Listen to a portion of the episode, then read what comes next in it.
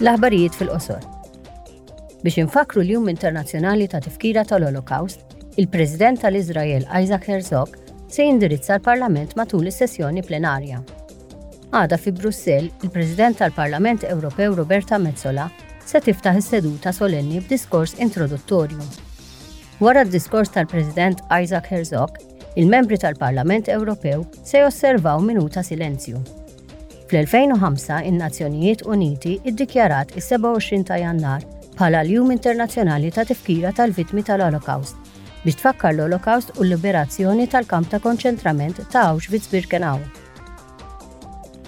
Għada wkoll il-President Metsola se tivvjaġġa lejn Madrid.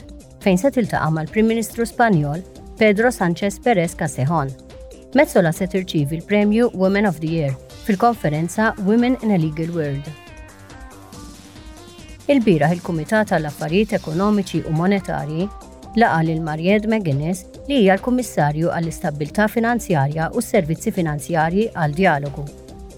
Proposti riċenti tal-Kummissjoni fil-qasam ta' responsabilità tagħha jinkludu miżuri biex jirregolaw it-tħaddim tas-swieq tal-gass Ewropej, miżuri dwar il-clearing u l-elenkar tal-kumpaniji biex jippromwovu l-unjoni tas-swieq kapitali, u proposta dwar il-pagamenti instantanji.